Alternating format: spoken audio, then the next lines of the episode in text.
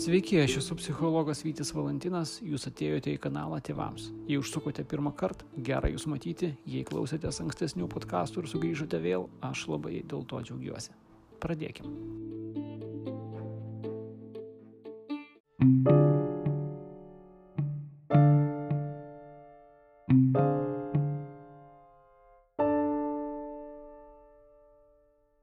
Kodėl vaikai vagia?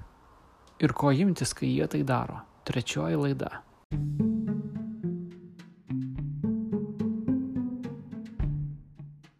Dar visai maži vaikai sužino skirtumą tarp daikto, kuris yra mano, ir to, kuris priklauso kitam.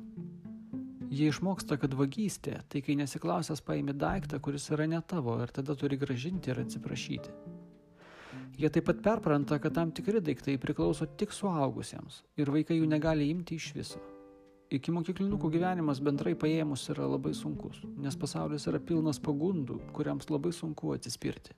Į viską tiesiasi rankos. Tarsi būtų miškienas. Juk įdomiausias daiktas yra tas, kuris kito vaiko rankoje. Arba daiktų laikytuviai, kurią suaugusiai vadina stalčium, o pardavėjai vitrina.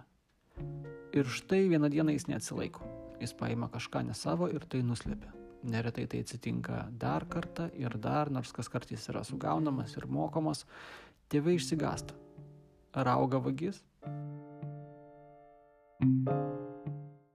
Ne, jis ne vagis. Jei vaikas pakartotinai nusikalsta, nors suaugusieji kiekvieną kartą aiškina, ką netinkamo jis padarė, tai dažniausiai būna ne vaiko psichikos, bet tėvų nustatomų ribų problema.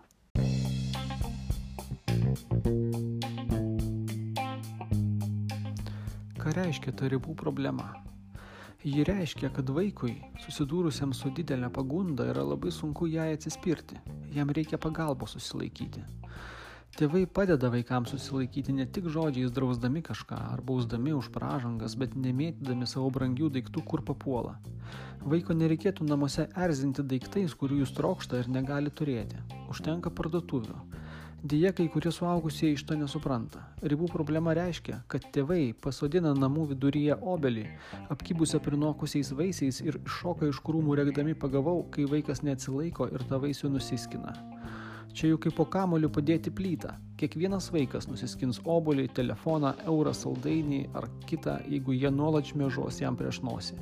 Dabar įsivaizduokite save.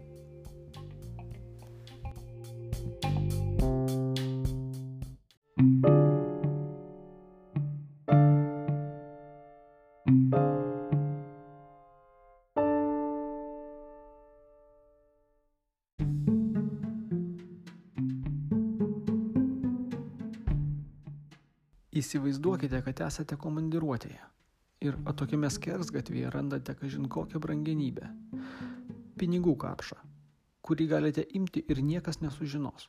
Jūs vakare išvažiuojate. Ką darysit? Kaip jausitės? Klausiu tam, kad pajaustumėte, ką iš tiesų reiškia susidurti su pagunda.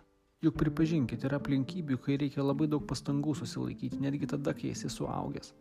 Daugybė durelių pasaulyje yra užrakintos ne dėl vaikų, bet dėl suaugusiųjų, o vaikas nėra mažas suaugęs.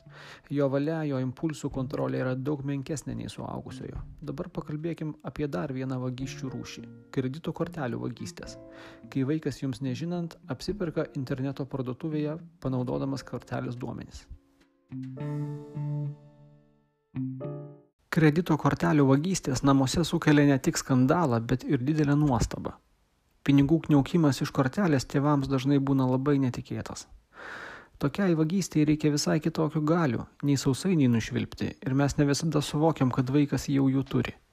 Jūsų antrokas geba apsipirkti internete kortelę, bet dar nėra pajėgus atsispirti pagundai.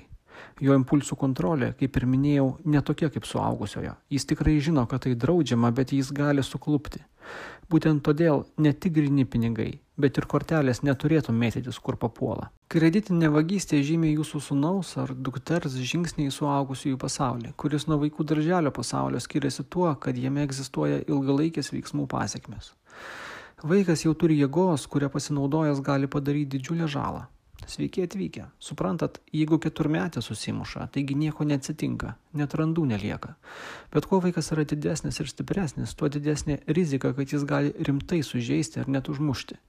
Dėl saldainio vagystės šeima nebadaus. o štai dėl kredito kortelės ištuštinimo gali. Ir vaikui čia reikia suaugusiųjų pagalbos suprasti, kad jis jau turi gebėjimų, išmonės, su kuriais nesusilaikius galima pažeisti labai rimtas taisyklės, kurias pavojinga pažeisti, nes tai, kas padaroma, lieka ilgam ar net visam laikui. Ar vaikas gali atitaisyti piniginę žalą tėvams? Negali. Ar jis gali išgydyti kitą vaiką, kurį rimtai sužeidė? Negali. Čia yra vaikams ir jaunesniesiems paaugliams labai sudėtingi dalykai ir neuromokslininkai sako, kad tam yra apčiuopiamos kūniškos priežastis. Jauni žmonės dėl nervų sistemos smegenų nebrandumo nėra pajėgus suvaldyti savo troškimų taip kaip suaugusieji. Jie taip pat nėra pajėgus numatyti pasiekmių taip kaip suaugusiai. Yra dalykų, kurių vaikai negali ne dėl patirties tokos, bet todėl, kad jų nervų sistema nesusiformavusi. Ir vis dėlto tai nereiškia, kad galima praleisti pro akis, kai vaikas vagia.